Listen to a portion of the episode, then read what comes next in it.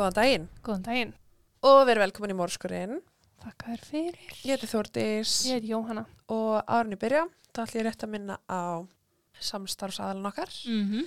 Scrub Daddy Mm -hmm. uh, með kóðunum Mórskurinn. Það fáið 20% afslátt af öllum vörum inn á scrubdaddyisland.is Heldur betur nú í tími til þess að fjárfesta í ríksvampinum Ef það er eitthvað tíman þá er það núna. þegar að sólinn er einhvern veginn Já. alltaf að koma upp um hann. Já, það er hárrétt. Og síðan ætla ég líka bara að láta ykkur vita að við erum með áskrift. Mhm. Pardus.is skástæk mórskorinn og lendiði beintin okkar síðu. Áskrift kostar 990 krónur á mánuði. Og þáttur á hverju mánudegi. Alla mánda nýr þáttur og allt eldra efni aðgengilegt. Eins og er. Eins og er, hver veit nema við breytum því. Ég ætla þá bara að vinda mér beint í málið. Já. Joseph Smedley fættist þann 27. mars árið 1995 í Indianapolis. Indianapolis. -hmm. Hann var þekktur fyrir það að vera mjög klár drengur með mikinn metnað.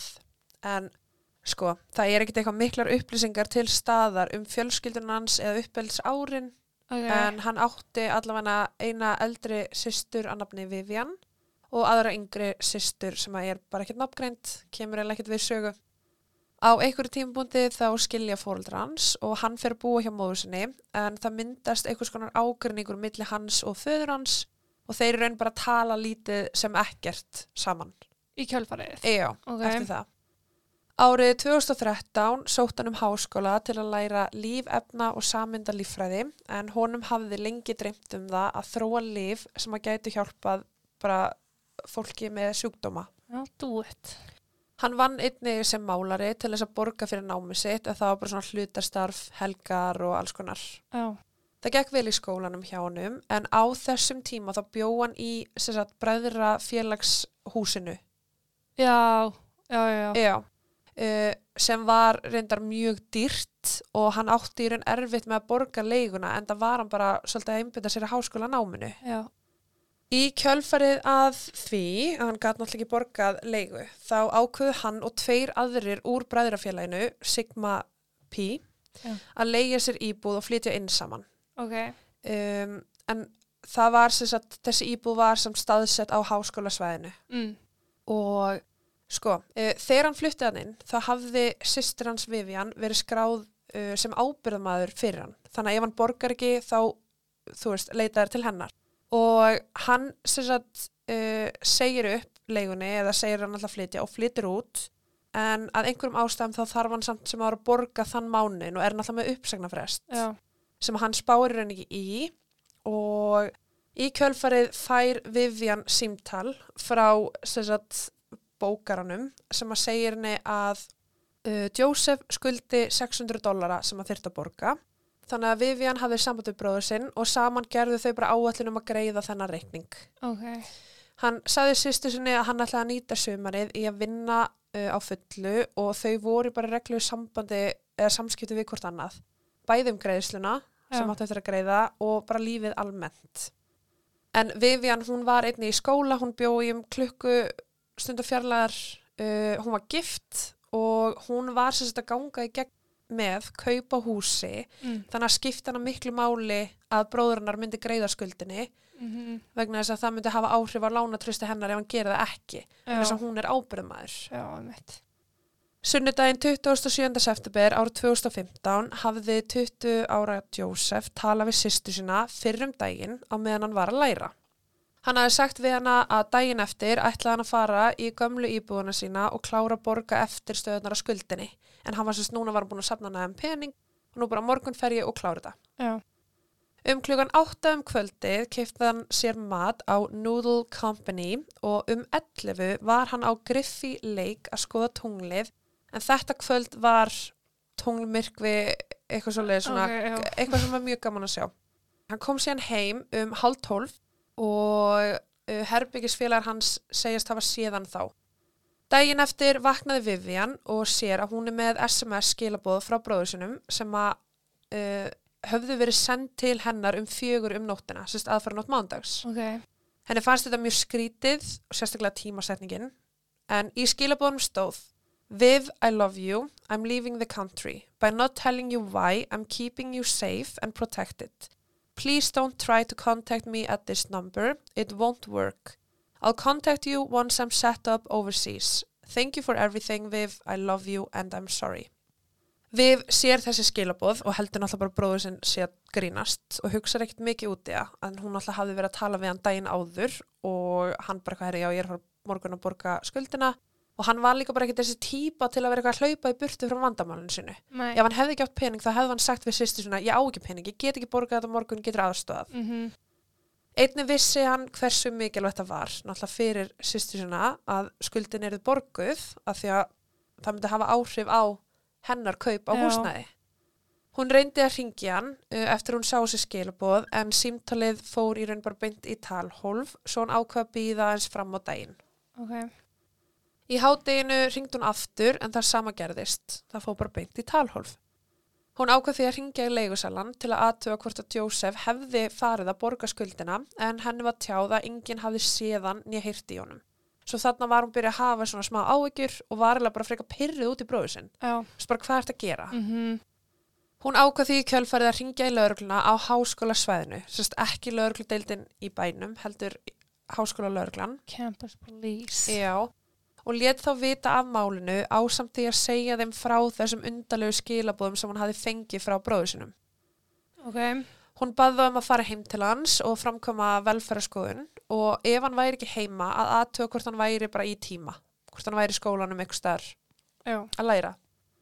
Þeir gera það og komast að því að hann er hvorki heima á sér nýja í neinum tíma en þeir segjast alltaf láta hann að vita ef þeir fá einhverja vitnesku um það hvar hann sé niðurkomin. Já. Ekki leið og lengu þar til hún fekk annað símtal frá lauruglunni þar sem að þeir segina að þeir hafi í raun fundið Jósef. Jósef var í fangelsi. Nú. Já. Þegar hún heyrir þetta þá var hann svona í smá sjokki, þetta hljómaði ekkert eins og bróðurinnar og hún fór að velta því fyrir sér hvað mögulega hann gæti að hafa gert af sér. Já. Hún spyr hvort þeir séu handvissir um að þetta sé hann og fær þau svör bara já, bróðin er hérna og hann hefur verið ákjörður fyrir líkamsárás. Vivian er náttúrulega bara mjög, mjög nexluð, uh, skilur ekkert hvað er í gangi Nei. og uh, ákveður sérst bara að láta þetta líða hjá og Mm. býða eftir símtali frá lauruglunni og fær síðan aftur símtal uh, og í ljós kemur að uh, þetta var ekki Joseph sem var handtekinn heldur var þetta strákur að nafni John Smedley. Oh. Já, uh, já. En þarna eru hlutir að verða mjög skrýtnir og hún er orðin bara virkilega pyrru að ná ekki sambandi við bróður sinn og það virðist bara enginn vita hvað hann er. Á mánudagskvöldinu tilkynni laurglan á háskólasvæðinu um hvarfans og Vivian lagði leiði sína heim til hans ásamt laurglunni bara til að leita á honum. Mm. Þegar hún kemur þangað þá hittur hún þessa tvo meðleindur hans en það var þá sem að þeir síndinu miða sem að þeir höfðu fundið á heimilinu. Já. Á miðanum stóð Had to leave the country. Don't attempt to call me, it won't work. I'll call you. Og svo var undirskriftin Smedley neðst. Vivian skoðaði miðan og það fyrsta sem hún hugsaði var bara uh, Joseph notar aldrei eftirnafni sitt. Hann skrifar alltaf Joseph, hann myndi aldrei skrifa. Já. Uh, og í raun voru það bara vinir hans úr bræðrafélaginu sem að köllu hann Smedley. Mm. Allir aðri köllu hann Joseph. Hún tekur einnig eftir því að uh, það er svona eins og sá sem að skrifaði miðan væri örfendur en bróðurinn var réttendur. Ok. Þannig að hann er svona einhvern veginn á hlið eins og sé, þú veist, skrifaður. Hún hugsa með sér að það sé eitthvað ekki eins og það á að vera og trúi því bara enga veginn að Joseph sé bara farin úr landi nýja að hann hafi skrifað þennan miða sjálfur. En sem sagt, þessi miði svipaði til skilabóðana sem að hún hafi fengið frá símanum hans um nóttina Já. að hann væri að fara að yfirgefa landin. Mm -hmm. Frá sunnudagskvöldi til mánudagsmorguns er heldur ekki langur tími sem að gefst til þess að fara úr landi. Þú þarft að vera með nægum pening og koma þér áleiðis. Já. Hann átti jú pening en það hafði hann verið að vinna markvist að því að greiða upp þessa skuld. Já. En Vivian sagði lögreglun einni frá því að hann ætti ekki vegabrif og það er alltaf bara mjög erfitt að ferðast á milli á hans að vera með vegabrif. Meðlegendur hans sögðinni frá því að þeir sá hann síðast þannig um 23.30 á sunnudagskvöldið og frá sagt 11 til 4 um nóttina þá var hann ekki virkur á samfélagsmiðlum og það var sagt engin virkni í símanum hans. Mm. Hann hafði sagt farið hátegismat með vinu sinum fyrir um daginn og svo tala við sýstu sína, vera að læra, fara síðan á Noodle Company og fari síðan á Griffy Lake til að hitta einhverja vini en eftir það veit enginn hvað varðum hann. Nei. Vivian fer að fá smá grunnsemdir út í þessa meðlegendur hans og það voru einni fleiri aðilar á heimilinu, það var þú veist vinkonur og eitthvað svona dæmi Já. og hún var í raun bara handviss um að hún væri ekki að fá sannleikan í hendunar. Mhm. Hún hafði miklar áhyggjur af bróður sinum þannig að rannsóknar lauruglumenn frá lauruglu dildinni byrja að skerast í leikin og hefja að leita á honum. Síðasta staðsetningin sem að símin hans var samkvæmt gögnum var á Griffi leiksvæðinu þannig að leit var náttúrulega bara hafinn þar. Mhm. Sunnudagur 27. abjón sefna og 30 hver. Sunnudagur 27. september þannig að í rauninni 1, 2, 3, 4, já all right Þann annan óttabir var Vivian að borða með fjölskyldu sinni þegar hún skyndilega sá nokkra lauruglubíla þjóta framhjá og fekk bara einhverju svona ónóta tilfinningu um að eitthvað væri að. Hún ringdi því kjölfarið í einna rannsakatum málsins sem að vildi bara lítið tjá sig um hvað þetta væri Mhm. og ákvað bara sjálf að keira af Griffi Lake til að sjá hvort það væri eitthvað að frétta og var búið að loka svæðuna af með gulu limbandi.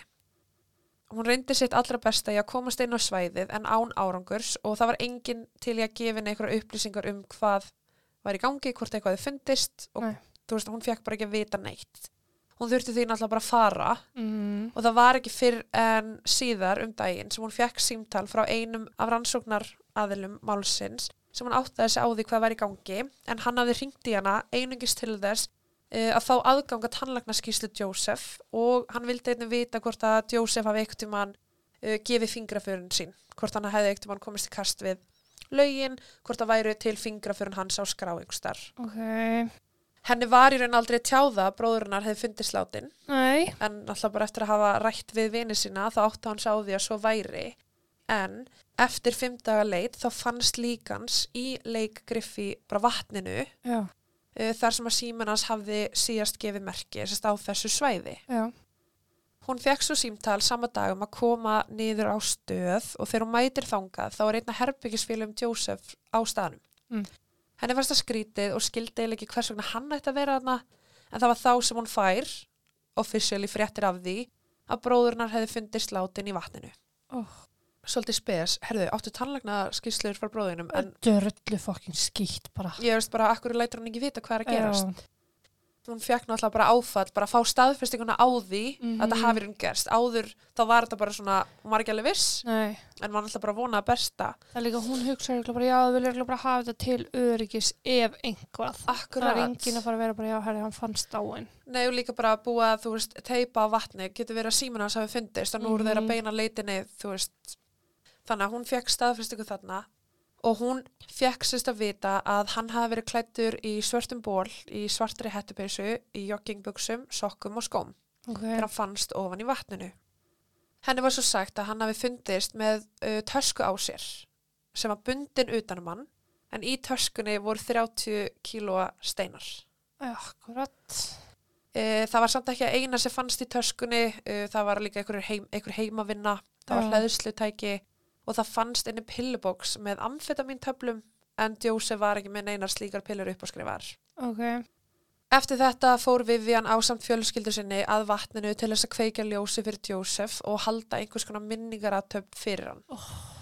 Á þessari minningaratöfn kom einna félögum hans úr bræðrafélaginu fram til að segja nokkur orð um hann og uh, fjórusunum vittnaði hann í hann sem smelli, eins og var í brefinu. Mm Joseph var ekki í neinum vandræðum og hafði aldrei verið, bara fyrir utan þess skuld sem hann var að klára og var í raun, hann átti peningin Já. það er búið að sanna það að hann átti sagt, hann var búin að fá launa svona tjekk sem hann þurfti að fara að taka út Mm og hann var að fara að greiða þessa skuld. Ok. Sömu viku og hann hvarf þá hafði hann gert plön með vini sinum um að fara í partí sem átti að gerast á fimmtudeginum og þú veist, þetta var allt bara eitthvað mjög skrítið. Uh, Krupning var gerð og eftir krupningu kom í ljós að dánar orsök hans var druknun, hann Mm. druknaði jú í vatninu og dánar atvik var sjálfsvík. Haltu kjafti. Já. Lögreglan var handviss um að hann hafi tekið sér deilíf. Hann hafi mætt þangað, bundið törskuna utanum uh, sig sjálfan og sett steina í hana til þess að þingja töskuna þannig að hann myndi að lokum drukna. Uh, þetta er mjög skrítið vegna þess að Joseph er eh, 1,77 hæð og vatni sem hann fannst í að sá staður er uh, um 1,50 cm. Þannig að hann í raun getur staðið Já, bara með góðum móti. með góð móti en við skulum samt líka taka fram að þegar hann er kannski búin að vera í vatninu þá getur hann færst til. Þannig að Já. það er ekki alveg hægt að segja til um hvar hann fór ofan í vatnið en allan að þar sem hann fannst hefði hann getað staðið upp ef hann fór þar ofan í. Ok, en það er samt hann með 30 kilo af steinum, sko, helst. Já, en ég meina Þyngingin 30 honum. kíló er ekkit það mikið til að halda þér, ég veit það ekki. En hann var líka mjög góður sundmaður og því þóttu þessar aðstæður bara mjög skringilar og sérstaklega einmitt 30 kíló. Mm 30 kíló er alveg 30 kíló að þú ert rótaður -hmm. en 30 kíló það er samt ekkert það Nei, mikið. engaðin. Ekki þannig að þú bara sekkur alveg eins og með eitthvað akkeri, skilur. Nei, en það er líka 100% að réttalæknin hefur komist þessari niðurstöða þannig við gengið út fyrir að brefið heim og það var í sjálfsís bref. Jep. Fjölskyldans vildi í raun meina að hann hafi verið drepin áður en hann fór í vatnið og líki hans komið fyrir Mhm. sem hann alltaf bara passar ekki vegna þess að það fannst vatn í lungunum og hann, ef hann hefði verið látin þá hefði hann ekki getað andað þessi vatninu Já, e, þannig að þú veist, það er alveg ljóst að hann druknaði. Það er samt alveg margt annað sem getur komið til greina. já, Í gegnum rannsóklauruglu var fjölskylda Jósef langt því frá að vera sátt við vinnubröð lauruglu. Það leit bara út eins og þeir væri raun ekki að gera neitt til að rannsaka málið almennilega. nei, Fjölskylda hans var með svo mikið af spurningum sem þau virtist ekki fá neyn svör við og þurftu bara svolítið að sjá um rannsóknina á eigin spýtur. eins og svo ofta aður. Já, og eins og svo oft áður uh, í málum þar sem að aðlar eru dökkir og hörnd, Mm -hmm. eins og í þessu máli. Mm Það voru heldur engin samskipti á milli fjölskyldunar og lauruglu og Vivian, hún hefði mætt oft upp á lauruglustöðu til að fá eigur hans í hendurnar og þeir vildi ekki gefa það. Nú? Já. Það sem henni fannst líka undarlegt er að þegar hann var tekin upp úr vatninu þá var í raun bara öllu skellt í líkpoka og fært í krupningar. En í staðin fyrir að taka bakpokan og eitthvað svo leis og setja það í sérst sönnunagagnapoka en að lauruglan hafa aldrei tekið bakpokan til sín til að skoða. Já, einhverjum tímapunkti. Ég- Já. Bakpokin var sagt á honum eins og þú klæðir þig í hann að framann. Hann var ekki bakinu, Ok, það er mjög mikilvægt. já, Bakpokin var ekki bakinu, hann var á maganum. ok. Veski hans hafði líka fundist í vasanum hans en síminn var hvergi sjálfur á þessu tíma. Fjölskyldan ákveða ráða engaspæra til þess að sjá um rannsókn á máli Jósef og þeir fengu einnig við réttamínafræng til þess að framkoma aðra krupningu á líkinu hans. Fyrsta krupningin var unnin mjög illa svo þegar það kom að setni krupningu þá komist þeir að því að það voru nokkrir, nokkrir marblettir sjáalegir á líkinu hans sem hafði aldrei verið tekið fram á upprænlegu krupninga, krupningaskíslunni. Það er mjög slæmt. Já, þessi marblettir komu augljóslega ekki frá druknun Mm -mm. og það var ekkert að bendla þá við druknun og það kom í ljós að hann var aldrei tekin úr fötunum í krupningunni. Ha? Já. Uh, það leit allt út fyrir að það hafi einungis verið skoða lungun eftir vatni og svo bara krupningu lokið. Þannig að það er væntalega skorið að framann, Mm opnað og svo bara lokað. Þarf þessi ekki eins og þú getur bara sett hann í myndatöku sko Já. komast að þessu. Þannig að það var í raun, það var aldrei, það var neitt, það var ekki neitt skoðað. What? Það var bara ennþá í fötunum þegar hann kom, svo hann bara settur í fristi og svo bara næsta krupning sem er mjög spes. Já. En þegar setni krupningin átt sér stað þá var bakið hans skoðað sérstaklega og það var mikið maður að finna þar eins og hann hafi verið að fá okkur högg á sig Já.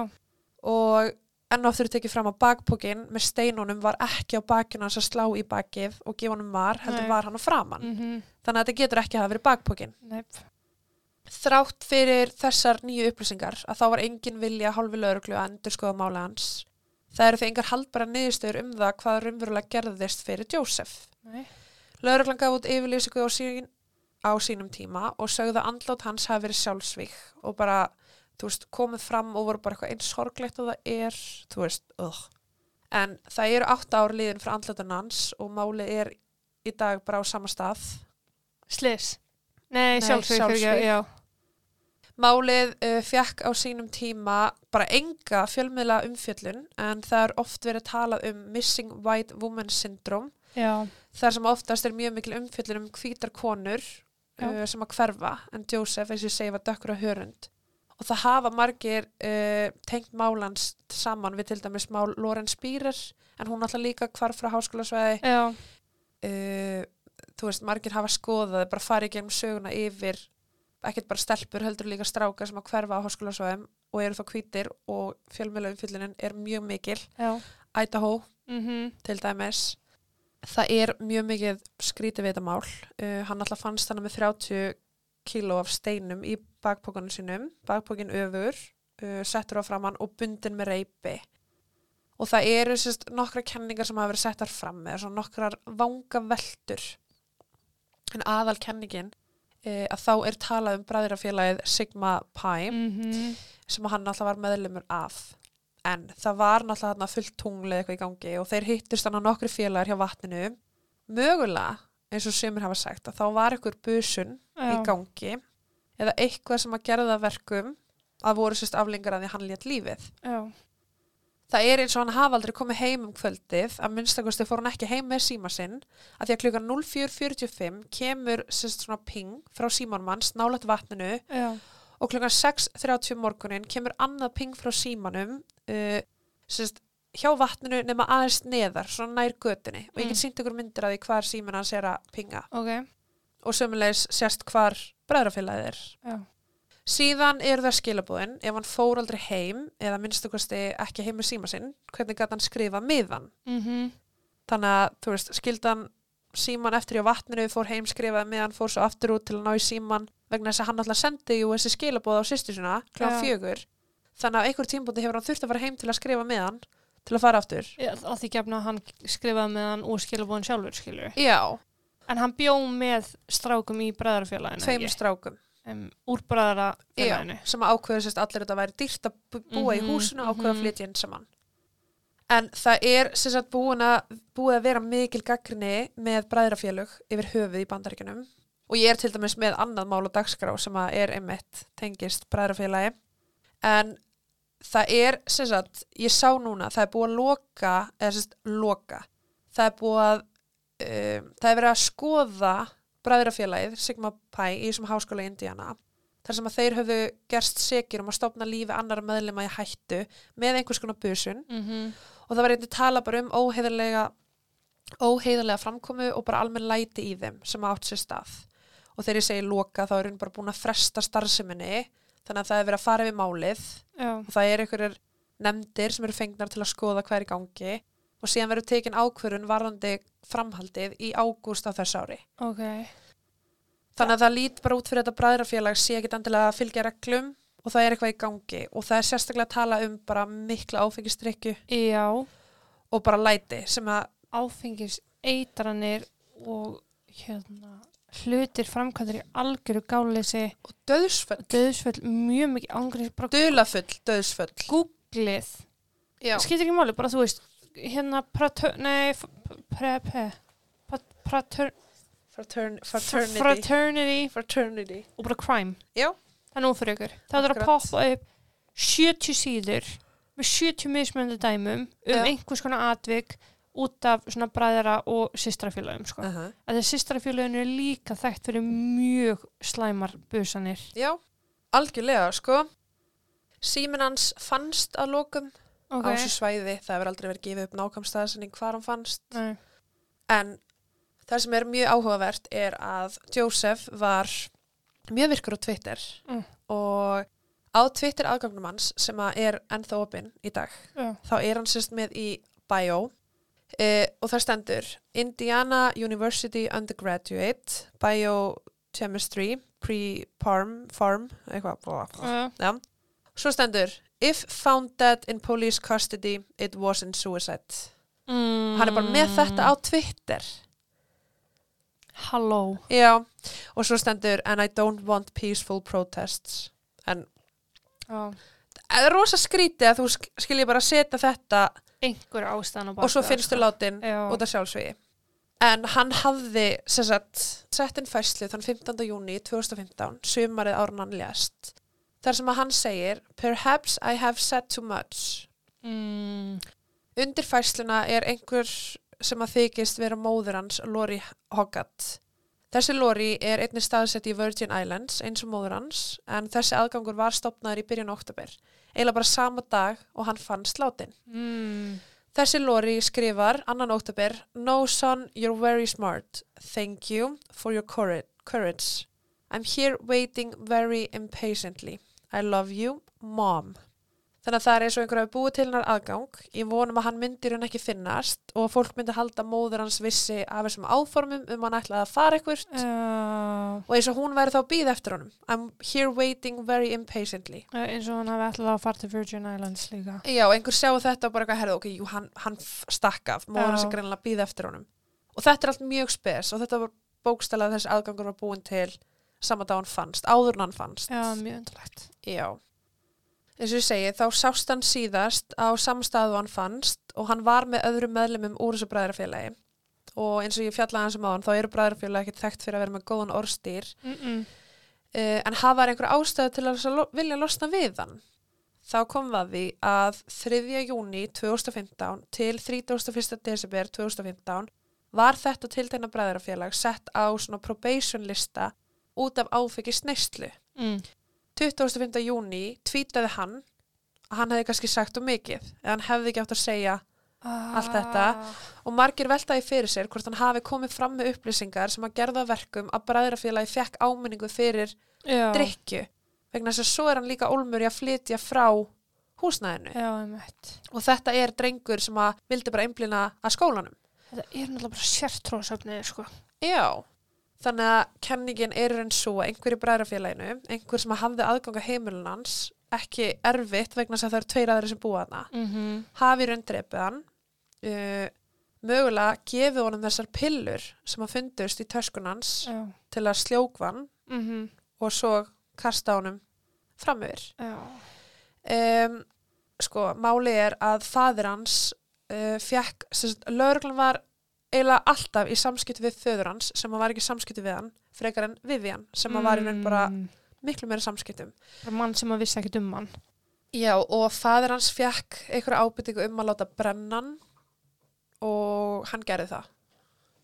Hætt Já, og eftir sem sagt, það búið að láta brenna hann, þá hafði Vivian og þau fengið sem sagt, bara mjög mörg bóð um pro bono krupningu oh. frá fullt af aðilum sem eru tilbúinu til að hjálpa þeim en það er ekki hægt og þú veist, það var engin vani í þessari fjölskyldu að, að vera brendur sko, en Mm. pappan sagði hann hefði bara fengið einhver, einhver hefði mælt með því og hann bara fór og gerði það það hafði sem, sem sagt, í þessari krupningu þá hafði verið gerð eituröfna rannsókn og það fannst sem sagt THC eða Mariana og áfengi í kerfinu hans á þeim tím- tíma sem hann lést. Ok, en uh, hvort að það hafi verið gerð bara nánari sem sagt prófun sem sagt á einhverju öðru eins og til dæmis eitri eða þessum amfetamín pillum með einhverju öðru skiluru, mm vitum við ekki.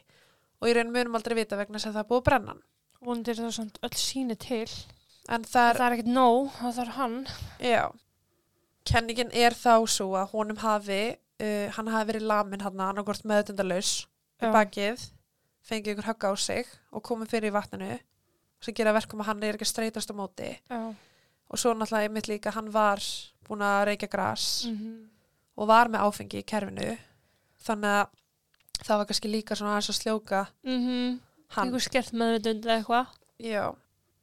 En fjölskyldan hans er enn í dag að reyna að opna máli hans og þau eru bæði á Facebook og þau eru einnig með GoFundMe eða svona undirskriftalista þar sem að þau eru bara að byggja um undirskriftir til þess að láta opna málið. mm. Það eru sýstir hans Vivian, hún ásamt uh, öðrum aðalega útbjóð podcast ok, þar sem að þau eru bara að fara yfir, ég held sér sex þættir í podcastinu þeirra. Uh, þar sem að hún er bara að fara yfir þetta allt saman. Mm podcasti heitir A Heavy Weight mm.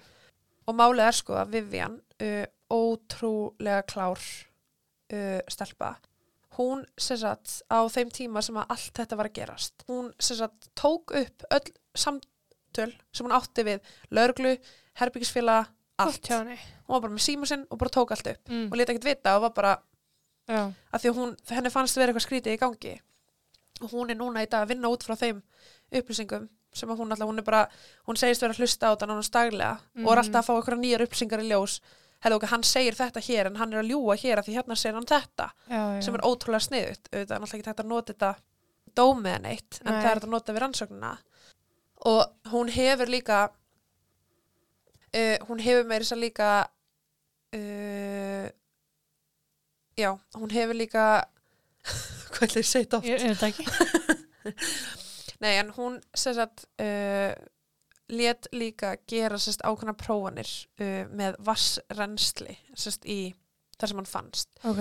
hvort hann hafi hreift sig, hvort hann hafi verið saman stað allan tíma í vatninu, hversu djúft og grund vatni er á þeim tíma, Mm mm. að því það hafi verið svona misvísandi uh, upplýsingar um það og það eru skýslur þar sem að, þú veist, þetta segir skýslunar segir hann alltaf mismunandi. Já, Hann hefur fæst 3-4 fett, hann hefur fæst 6-8 fett, hann hefur ekki fæst neitt já, og skiptir rosalega miklu máli ef hann fer 1,77 hæð 1,50 cm grund vatn, þú veist, það passar eiginlega ekki. Mm -mm. Og hún fekk sér satt druknunar sérfræðing Ok. uh, með sér í lið sem að náttúrulega bara kom uh, skoðaði þetta og fór yfir sérst áverkanans líka meðal annars Já, og sæði raun bara að þessir áverkar hefðu ekki komið þessi marblettir hefðu ekki komið af sérst þá er talið að honum hafi verið kastað í grund vatn já. eða hann hafi hoppað í grund vatn, lent á bakinu Mm. og þar lendi farið í botnin Já, og fengið marbletti en þessi sérfræðingur segir að það er ekki það er ekki svolis nei, ekki nema þá er eitthvað svakalega hæð, sko. Já, en í júli árið 2021 þá, ný, þá voru nýlög í Indiana samþykkt sem að gera fjölskyldu fórðanlega kleift að fá sérst máli sitt endur upptekið Ok.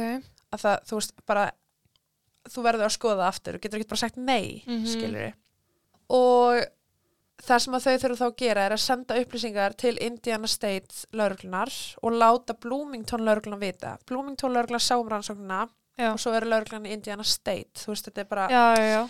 Já, og fá þessar upplýsingar og sérstaklega fá þau til að uh, fara með þau sönnugögg sem að Bloomington lauruglan Mm aflaði til hinnar laurugludeildarinnar en eins og við vitum þá er þetta stundur rosalega mikið teipakefni og suma laurugludeildar vilja ekkert að aðrar koma að þessu vegna þess að það lætur þá líta mjög illa út. og þeir eru bara stoltar í sínum vinnubröðum saman hvernig þau voru.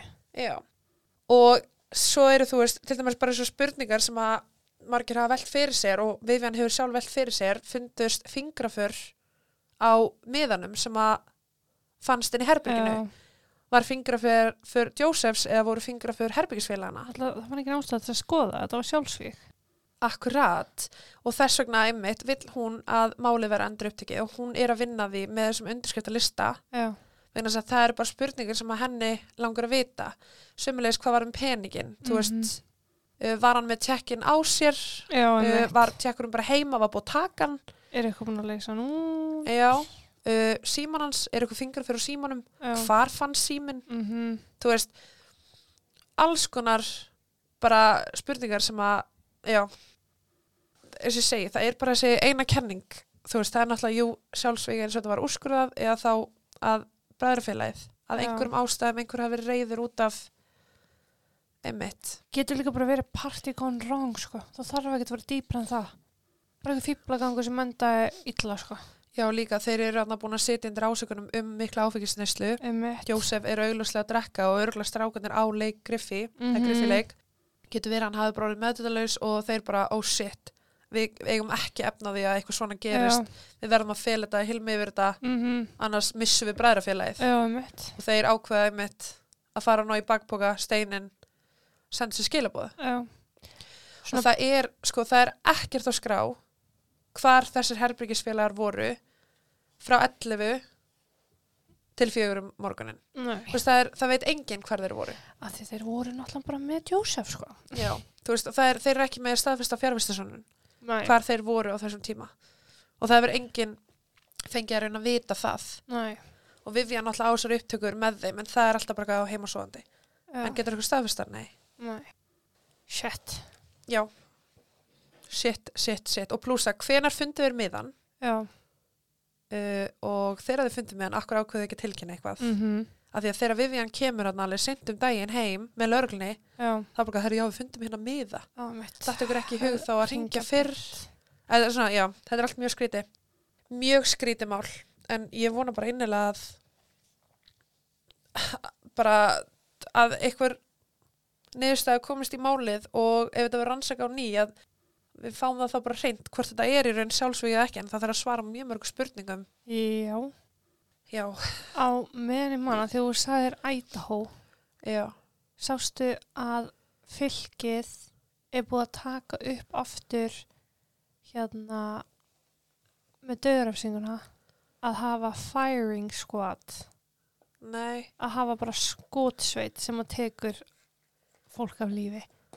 Og þetta kemur eftir að hann Brian í er áttu ef það hann er dæmdu til döða þá er þetta áttu það bara að standa sem eitthvað target út á miði gólfi og þú ert bara skotin? þú ert látin sitja í stól í dattinu og þetta TikTok í gerkvöldi gummugóður þú ert látin sitja í stól bara og þú strappaði niður eins og þú ert líka í hérna þegar þú fyrir lifigjöfuna og líka í ramokstólun og annað. Já, og svo eru fjóri til sex held ég að hafa verið menn með byssur sem er allar með að beint á hjartað og þeir skjóta allar saman tíma. Það er brútal. Það er brútal sko, þetta var síðast að líka 2010 þá var maður sem að er, var tekin af lífi svona. Oh my god. Ég var að mynda að skoða mála hans í gerð það var reynda mjög áhugavert ég er mögulegt í tæki Ég vona bara að ég sé ekki myndir, takk. nei, nei, nei, nei, nei, nei, Nei, nei, nei, nei, en það er svakalegt. Já, það er komið góður, sko. Uh. En já, ég allavega hef ekkert meira við þetta bæta. Ég mæli með að skoða á Facebook, bara finnið Jósef Smelli, uh, Twitter nei, sem að fjölskyldan er með, setja upp upplýsingar og mögulega, þú veist, einnig hlusta á podcastið, það er fullt af öðrum upplýsingum og eitthvað sem að kemur fram. mhm og svo kynnast honum betur kannski á svona Já, og hún er líka svolítið mikið bara, veist, hún er alltaf bara að tala sjálf og segja frá sinni reynslu Mhm. og upplifuna allt sko þannig að, þannig að já ég allavega takka það bara fyrir mig í dag. Já, segi takk og bless mhm. og þar til næst. Takk og bless